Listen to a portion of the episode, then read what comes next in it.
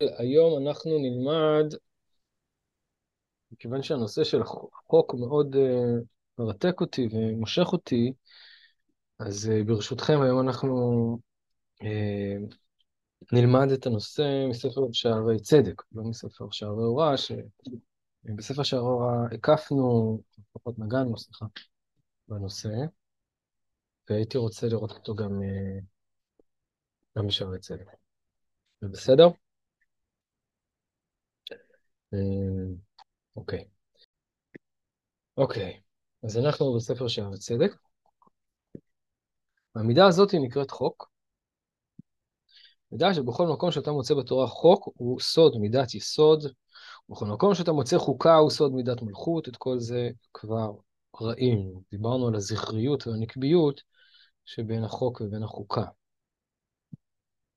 ואיך שזה הפוך מהתפיסה שלנו היום וכן הלאה.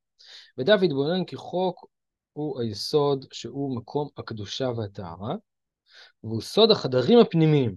כלומר, יש פה תיאור נוסף למערכת היחסים הזאת, שעד עכשיו קראנו לה זכרית ונקבית, או חוק וחוקה, ברזולוציה יותר אה, נקודתית. והיא שהיסוד הוא קשור למקום השמור, המקום הקדוש, המקום הטהור, המקום הפנימי. וכל הסמוך ומבחוץ הוא סוד הקליפות והעורלות וכוחות הטומאה. השאלה בדיוק מה זה מבחוץ, עוד רגע נראה, האם זה כבר במלכות או אחרי המלכות, אבל בכל מקרה, כל מה שמחוץ לזה כרגע הוא הטומאה. והפנימי אה, הוא הנקרא קודש, ומה שחוצה לו חול, הוא הנקרא אור, מה שחוצה לו חושך. אז כדי להסביר את זה, אה, אנחנו צריכים טיפה להשתמש במושגים מספר אחר, שהוא פירוש המרכבה של רבי יוסף צ'יקטיליה, פירוש מרכבת יחזקאל, שם הוא מפרש שיש שתי מחיצות לבית המקדש, מחיצה פנימית ומחיצה חיצונית. ובכלל, בכל אלמנט של הבדלה, יש קיר שמבדיל. זה קשור לסוד הסוגיות בתחילת הגמרא בבבא בתרא, השותפים שרוצים לעשות מחיצה עושים את הכותל באמצע. מה הוא האמצע? האם האמצע הוא חלק מהחצר, הוא לא חלק מהחצר? ומה עובי הכותל שבאמצע? והאם הכותל עצמו הוא בעצם אה, משהו משותף. כלומר, בעצם הכותל שמחלק את שני החלקים, הוא משותף לשני החלקים. אז המחיצה, יש בה צד של קודש וצד של חול. הצד הפנימי של המחיצה הוא קשור אל הקודש. והצד החיצוני של המחיצה הוא קשור אל החול, ומאחוריו יש את הקליפות. אז אם כן, כל הסמוך לו מבחוץ, יסוד הקליפות והעורלות וכוחות הטומאה והפנימי הוא הנקרא קודש, ומה שחוץ אלו חול, הוא הנקרא אור. ומה שחוץ אלו חושך, אז אפשר לקרוא לזה אור וחושך, אפשר לקרוא לזה קודש וחול, אפשר לקרוא לזה יסוד ומלכות, או אם תרצו יסוד ומחיצות. וזהו מקום ההבדלה. אז פה אנחנו מגיעים למושג ההבדלה. המבדיל בין קודש לחול, בין אור לחושך בין סלמים. יום השלישי מהמעשה, לפי... אז כן. אז יש לנו מושג של הבדלה. עכשיו, אני רוצה טיפה להרחיב. למה המושג של ההבדלה הוא גם כן מושג מחודש? איך אפשר לדבר על הבדלה בעולם שכולו אלוהות? זה שאלה ראשונה. אני לא מדבר על עולם שכולו אלוהות במובן של החסידות, כי פה אנחנו לפני עידן החסידות, ולכן אמ, לא מדובר פה על המובן ה... לא כל הארץ כבודו. זה העולם שכולו אלוהות, הכוונה בתהליך הבריאה, בתהליך יצירת עולם האצילות. אז איך אפשר לדבר על אה, מחיצות? ואיך אפשר לדבר על אה, מי יוצר את המחיצות האלה? כלומר, הקדוש ברוך הוא מבדיל, ואז נוצר משהו אחר, זה מזכיר כבר את קבלת האריס, או את הצמצום, וכן הלאה, מה מדובר בנושאים האלה. וגם אה, שאלות נוספות הן מה מטרתה של ההבדלה. אפשר לראות את ההבדלה כסלקציה כזאת, כן? גזענות כזאת.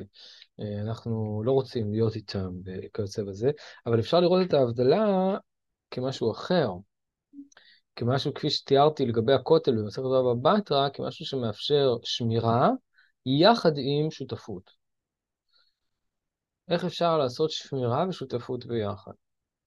ולכן בכתבי הארי ההבדלה היא קשורה לדבר הזה. מצד אחד היא שומרת על הקודש ועל החול, כלומר כדי שהקודש לא יתחלל על ידי החול עושים הבדלה.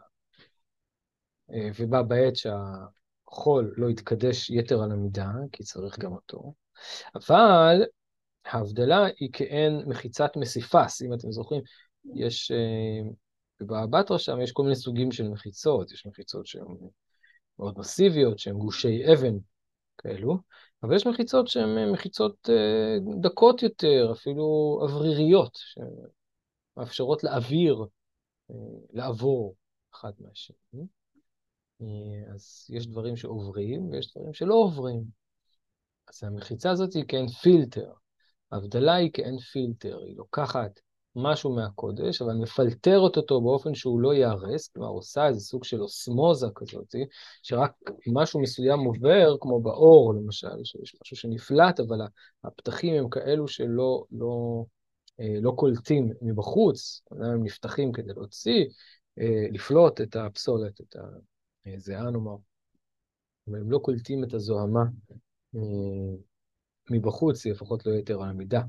אה, אז, אז, אז ההבדלה מאפשרת לקודש להשפיע על החול באופן שישאיר אותו באיזשהו אופן קשור אל הקודש, ובה בעת היא גם כן מאפשרת, לה, אה, על ידי זה שהיא משפיעה לתוך החול, מאפשרת לחול לזכור את הקודש ולשאוף אליו שוב. ולכן היא מעוררת בתוך החול את ההכרת הקודש ואת הרצון לחזור ולהידבק בקודש, וממילא היא הופכת גם את הקודש למתרחב, שהרב קוק קורא קודש קודשים, קודש שמכיל את החול. וזה בסוגריים רק לגבי מושג של ההבדלה. הוא ירחיב עליו פה.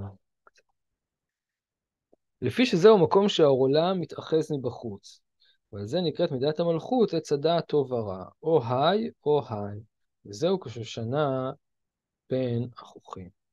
אז פה, יש פה כמה מושגים שצריך להסביר אותם.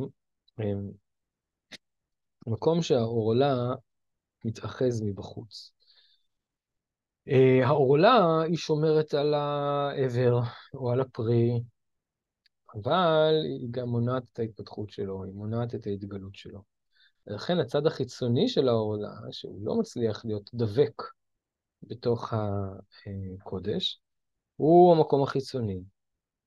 והוא המקום שבו יש, כמו שהוא קורא, עץ הדעת טוב ורע, כלומר שיש פיצול, שיש דיכוטומיה, או היי או היי. ושם השושנה היא בין החוכים, שזה הקדמת הזוהר. זאת אומרת, יש מקום שהאחדות האלוהית, או הקודש האלוהי, כבר מתכסה, נאטם. אם תרצו, החיים לא מופיעים כמכלול. עץ החיים לא מופיע. במקום זה מופיע הדעת. הדעת זה דבר חיצוני. אם אתה יודע דבר, נכון שהאדם ידע את חווה אשתו, הכוונה חיבור, אבל הדעת יש בו גם צד שהוא חיצוני, שהוא לשון שבירה. כלומר, הדעת מסתכלת על הדבר באופן אינטלקטואלי כביכול מבחוץ, היא לא חיה אותו מבפנים, ולכן היא תמיד נפגשת בצד החיצוני של הדבר. והיא אנליטית במובן הזה, שהיא שואלת טוב או רע, חוכים או שושנה. צריך ללקט את השושנה מתוך החוכים, את האוכל מתוך הפסולת. צריך, יש קונפליקטואליות, יש שם טוב ורע, חיים ומוות, אבל אין שם חיים במובן הכולל. אז החדרים הפנימיים הם נבדלים מהחדרים החיצוניים גם במושגים האלה. עכשיו, איך כל זה קשור לחוק? אבל לפיכך כל מקום שתנשא בתורה לשון חוק, צריך אתה להבדיל בין מחיצת הקודש למחיצת החוק. כלומר, החוק הוא חלק של היסוד, אבל הוא החלק החיצוני יותר שלו. החלק שמבדיל אותו מהקליפות, החלק שמבדיל אותו מהטומאה. כי חוק לשון גבול וגדר הוא. בסומו לים חוקו ומים לא יעברו פיו, ואמר חוק נתן ולא יעבור. אז החוק הוא בעצם מה שגורם לדבר לא להתפשט. ההתפשטות של הדבר, במקרה שלנו הקודש, יכולה לגרום להרס שלו. למשל, צניעות זה עניין של חוק. אם היה אפשר לקיים יחסים בפומבי, אז הקדושה שיש במיניות, כלומר, נגיד את זה בשפה חילונית, האינטימיות שיש במיניות הייתה מתה, היינו הורגים אותה. לא היינו יודעים בכלל מה זה אינטימיות. רק בגלל שהיא הייתה במקום הלא נכון, אפילו גיאוגרפי. בסדר? אז החוק שם גבול, ובזה הוא מקיים בעצם את המושג פנימי. אבל כפי שאמרתי, יש גם חוקה, עוד רגע נראה את זה, שזה היחסים בין החוק הפנימי, החדר הפנימי לחיצון. אבל החוק הוא לא דבר כשלעצמו, אין מושג של שמירת חוק, כי החוק הוא נכון, החוק הוא שכבה שמייצרת משהו פנימי, הוא שכבה שמייצרת גדר פנימי.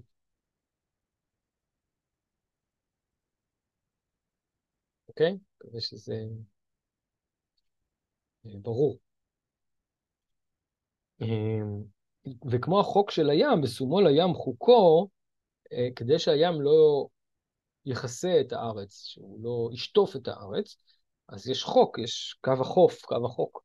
אה, הוא, הוא זה שכביכול מחזיק את הים, באופן מטאפורי כמובן, שלא ישטוף את הארץ. אז, אבל, אבל בתוך הים, ושימו לב, החוק הוא אפשר לצייר אותו כמשהו כופה, כלומר שקו החוף באופן חיצוני הוא, הוא כופה את הים, הוא יותר חזק כביכול מהמים, מים רוצים כל הזמן לעלות, ויש ציור כזה בחז"ל, יש, יש אופן כזה של חוק.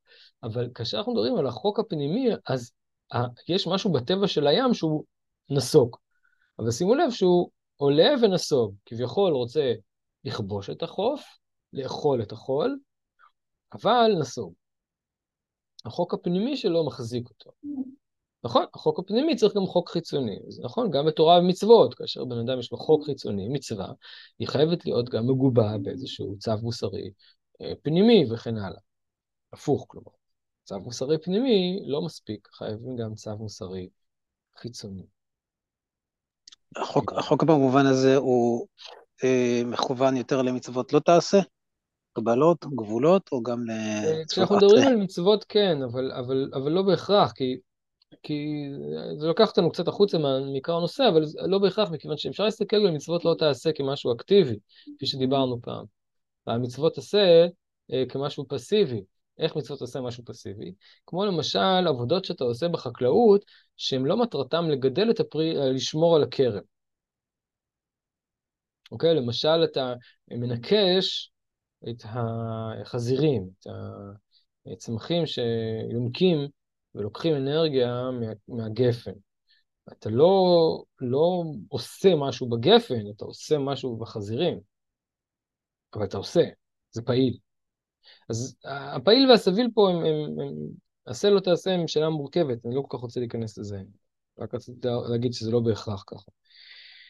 והנה סביב זה החוק כמה מיני חוכים וקוצים וכמה סרנים וסילונים, וזהו מקום דוד, לפיכך הוא צריך הזמירות כדי ללחום עם המקטרגים, ואומר השם הרבו צריי, ואומר כל גויים סבבוני בשם השם כי המילם, סבבוני גם סבבוני בשם השם כי המילם, נקצץ העורלה שהוא ברית מילה בשם השם כי אה, המילה.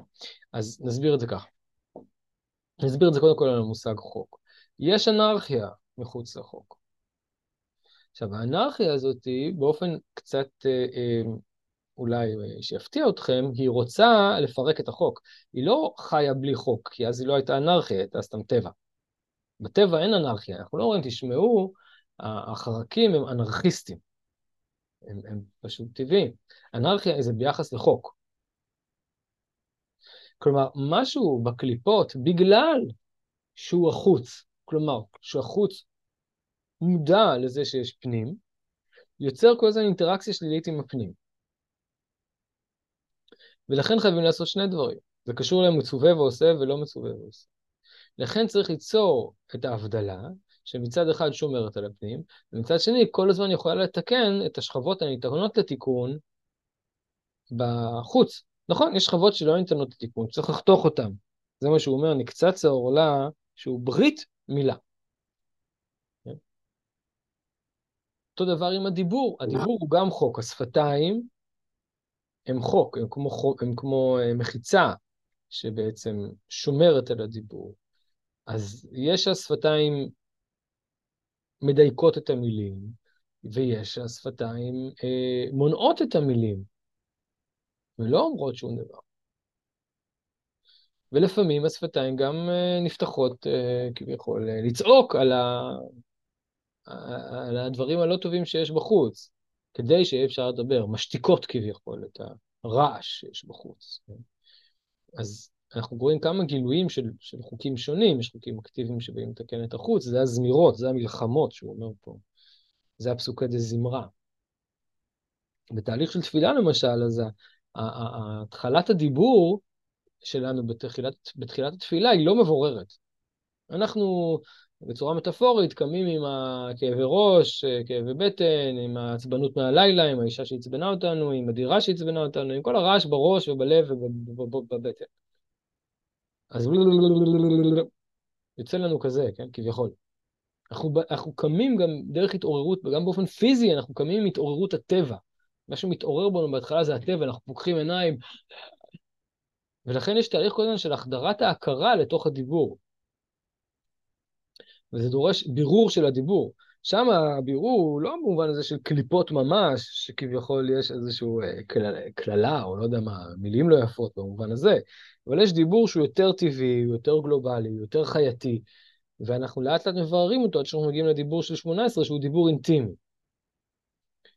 עכשיו יש פה שאלה, כלומר, שהקודש יכול להתפשט מעבר להבדלה אל הטומאה, אבל הטומאה אינה יכולה להתפשט אל הקודש. זה נכון.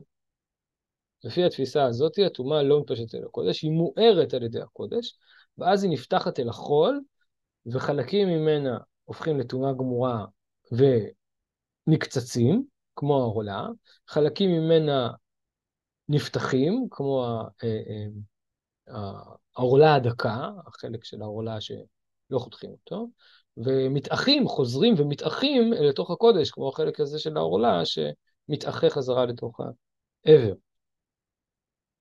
אוקיי? או בואו נדבר על מיניות, אם כבר דיברנו, כי זה גם ברית, כן? ברית זה גם מיניות. יש חלקים שהם uh, מיניות uh, מחוץ, מחוץ לגבול בכלל. לא, לא יודע להגיד לכם מה בדיוק, יש פה הרבה סוגים, כן? זה יכול להיות בתוך מיניות זוגית ולא זוגית וכן הלאה, זה יכול להיות הרבה דברים. זה גם בתוך המיניות של האדם עם אשתו בעצמו, זה לאו דווקא במובן הקטגוריאלי. אה, ולכן כאילו הגבול, דווקא הגבול שיש אפילו בתוך אה, זוג נשוי, הוא גבול מאוד חשוב כדי לחדד את המפגש העמוק שלהם.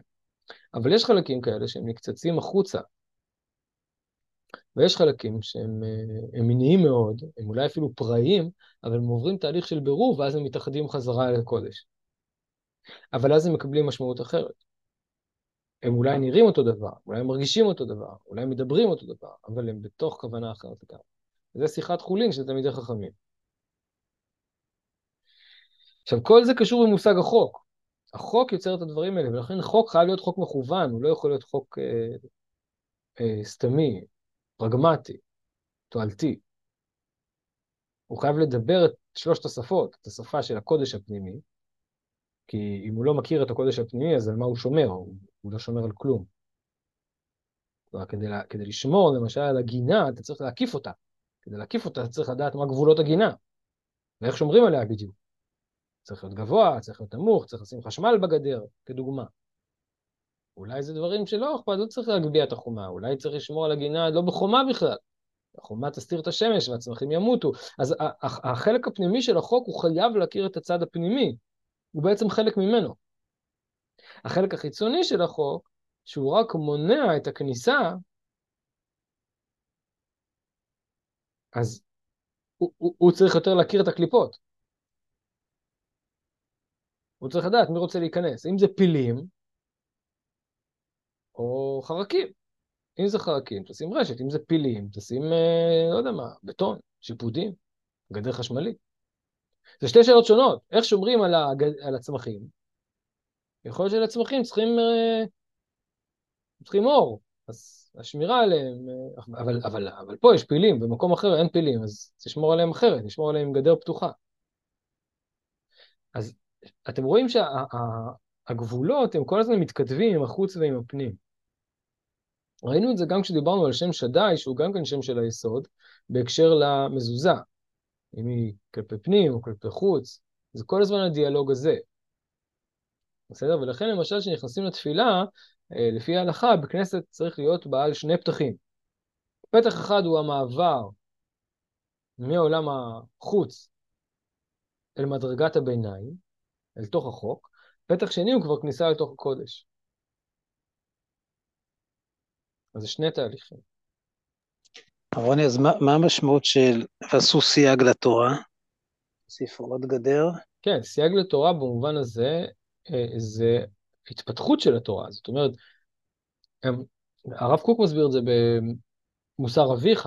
הוא אומר, סייג לתורה זה ה... ה אני לא זוכר את הלשון שלו, אבל כביכול יש הבנה של התוכן הפנימי של המצווה, אבל מכיוון שהיא חיה, היא מתפשטת. מי, מי גורם לה להתפשט? החכמים שמבינים את החיות הפנימית שלה, ומכילים אותה על עוד מרחבים שאולי ברגע הקונקרטי שבו ניתנה התורה, שבכתב כביכול, זה לא היה רלוונטי.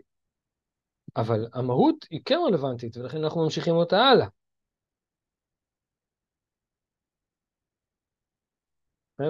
בואו בוא אולי שנייה נחפש את זה ונקרא את זה בפנים. כן, אז אה, הרב קוק מתייחס לסייג הזה ש... אה, אה, שאלתם עליו בספר מוסר אביך, א' ה', כותב ככה, עניין סייג התורה, סייגות התורה, אינו מצד עצם ההבאה לעבירה. כלומר, כביכול מחיצה חיצונית. אתה לא רוצה שהילד יצא החוצה, אתה נועל אותו בחדר, שלא יצא החוצה, כי בחוץ זה רע.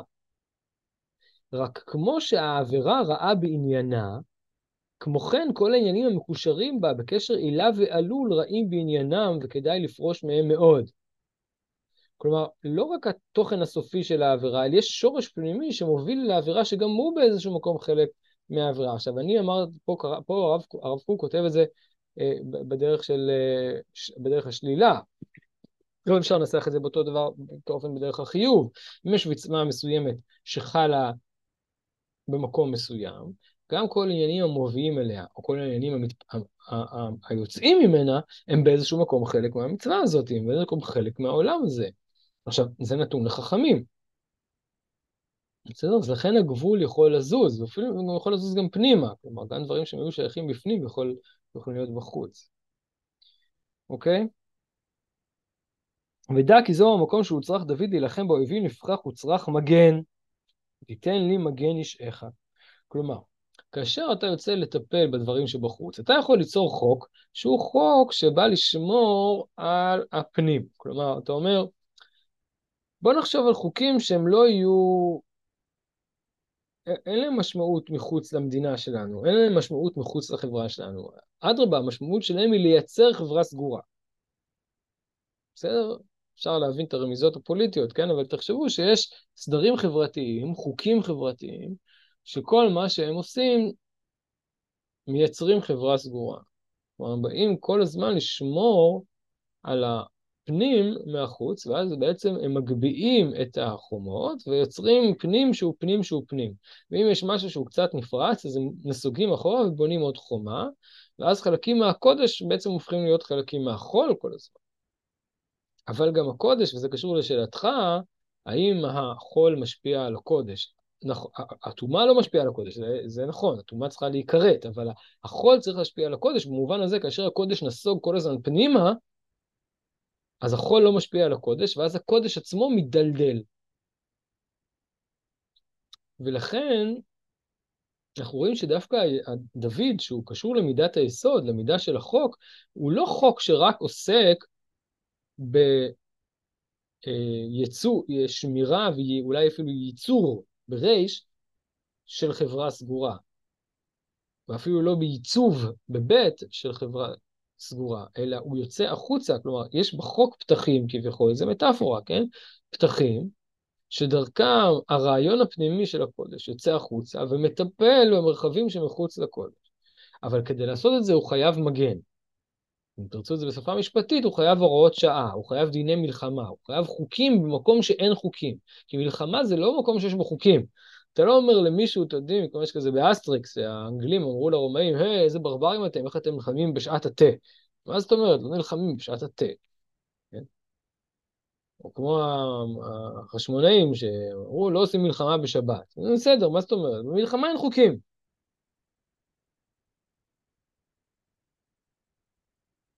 זה, זה, זה המשמעות שכל החיים בסכנה. כשהחיים בסכנה, אתה לא יכול להגיד שיש חוק לחיים. בסדר? אבל צריך מגן. יש חוקי מלחמה, זה חוקים אחרים. יש תיפת תואר למשל, מזעזע הרבה אנשים. אבל אדרבה, יש תיפת תואר, זה חוקי מלחמה, כלומר זה בא ליצור חוק במקום שאין חוק. כשיש חוק אתה לא יורה באנשים. כשיש חוק אתה לא פולש לתחום של מישהו אחר. כשיש חוק אתה לא מפציץ אוכלוסייה אה, אזרחית. כשיש חוק אתה לא... לא יודע מה. בכלל, התנגשות בין שתי ציוויליזציות זה התנגשות בין שתי מערכות חוק, אז מה החוק? לפי איזה חוק אנחנו משחקים את המשחק? בסדר? זו, זו שאלה. ולכן צריך מגן. ותיתן לי מגן אישך. זה שכתוב, מגן דוד. ודע כי דוד קצץ כל כוחות העורלה והטומאה סביב לכנסת ישראל, ונלחם מלחמותיה, וביער הקוצים מסביב לכרם. אז בא שלמה בנו ומצא הכל בנחת, אין שטן ואין פגרה, ובנה הבית על מכונו, ודע כי לכך נאמר פרשת פסח בעניין משכו וכו לכם צאן, ושורתנו הדבר הזה לחוק לך ולבניך. עוד שנייה אני אסביר את העניין של הפסח.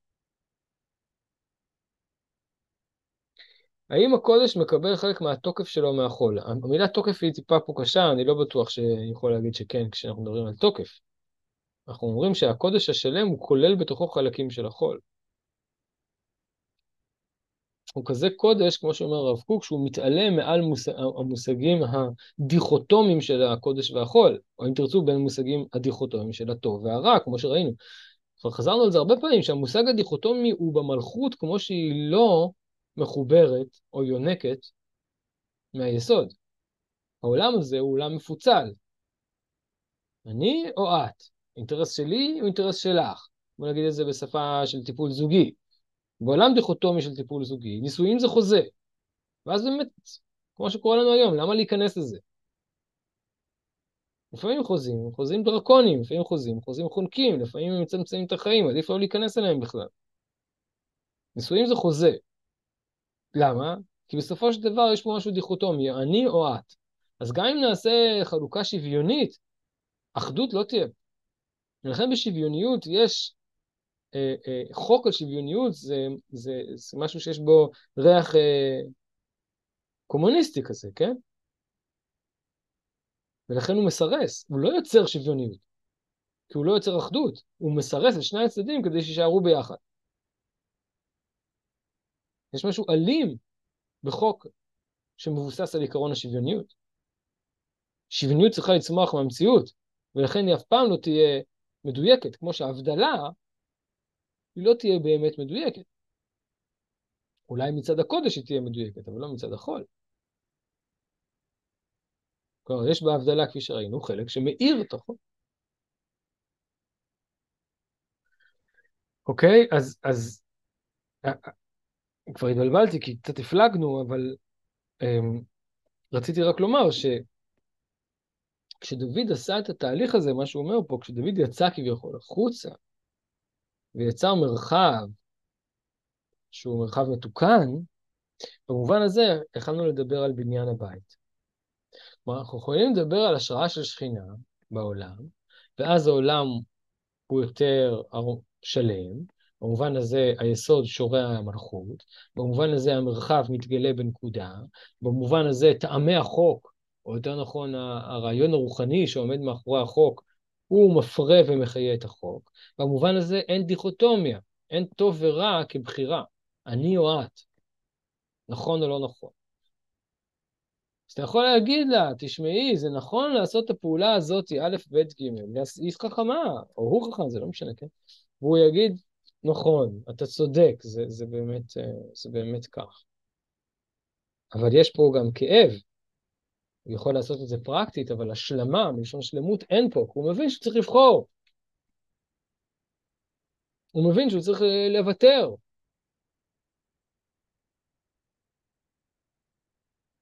וכאב תמיד יהיה. וככל שאדם יותר רוחני, אז הוא לא יקבל את הכאב הזה. אתם מבינים מה אני אומר?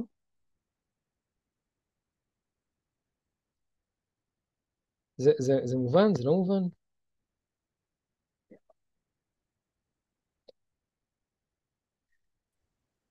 אוקיי, אני מקווה שהדברים uh, ברורים.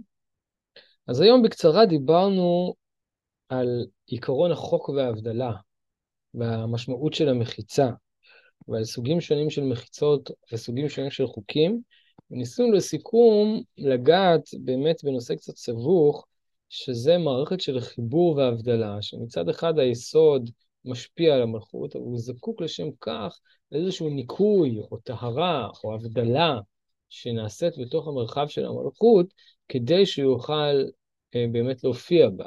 המרחב של המלכות, כפי שראינו, הוא מרחב דיכוטומי, הוא מרחב שיש בו קליפות, הוא מרחב שיש בו בעיות, כמו שראינו בשער א', ולכן חייב להיות איזשהו משהו בהופעה, החיצונית לפחות של החוק, ההופעה של הרגל הרביעי של המרכבה, או ההופעה של דוד, שהוא לוחם, וכן הלאה, שיוצאת החוצה ומתקנת את המלכות, ואז מאפשרת לחוק להופיע בתוך המלכות בצורה של שלמות וקודש, ולא רק בצורה של חורבן. אבל דוד הוא רגל רביעי במרכבה, זאת אומרת, גם, גם דוד הוא לא רק לוחם. מי שהוא רק לוחם, מי שכל החוקים שלו הם רק לדפוק את הרעים, והוא לא, הוא, הוא, הוא לא מחזיק באיזושהי תפיסה של, של, של תיקון עולם. הוא לא מחזיק בצד שגם, היסוד, היסוד נקרא גם כן שלום. אז מי שרק מחזיק בחלק של היסוד שפורץ אל המלכות ומתקן אותה, שעושה את הזמירות, אבל לא מחזיק בחלק שהזמירות הן חלק מתהליך של השלמה, אז בסופו של דבר הוא לא רגל רביעי במרכבה, הוא לא מכניס את הערכים של אברהם, יצחק ויעקב, אם תרצו. אלא הוא רק מחסל את הרע. ואז, או שהוא הופך להיות רק כמוהו, זה מה שהשמאלנים אומרים, ויש צד של צדק בדבריהם, או שהוא פשוט נהיה ריק, ואז הוא מסתאב ומתאבד. כי הוא לא עושה מכון. עוד פעם, המלחמה שלו, היציאה אל תוך עולם החול, היא לא על מנת שעולם החול ישמש בסיס אל הקודש, היא רק מתוך שנאה לטומאה, שהיא חשובה כשלעצמה, אבל חייבים להחזיק בגן תפיסה של קודש. עד כאן להפעם.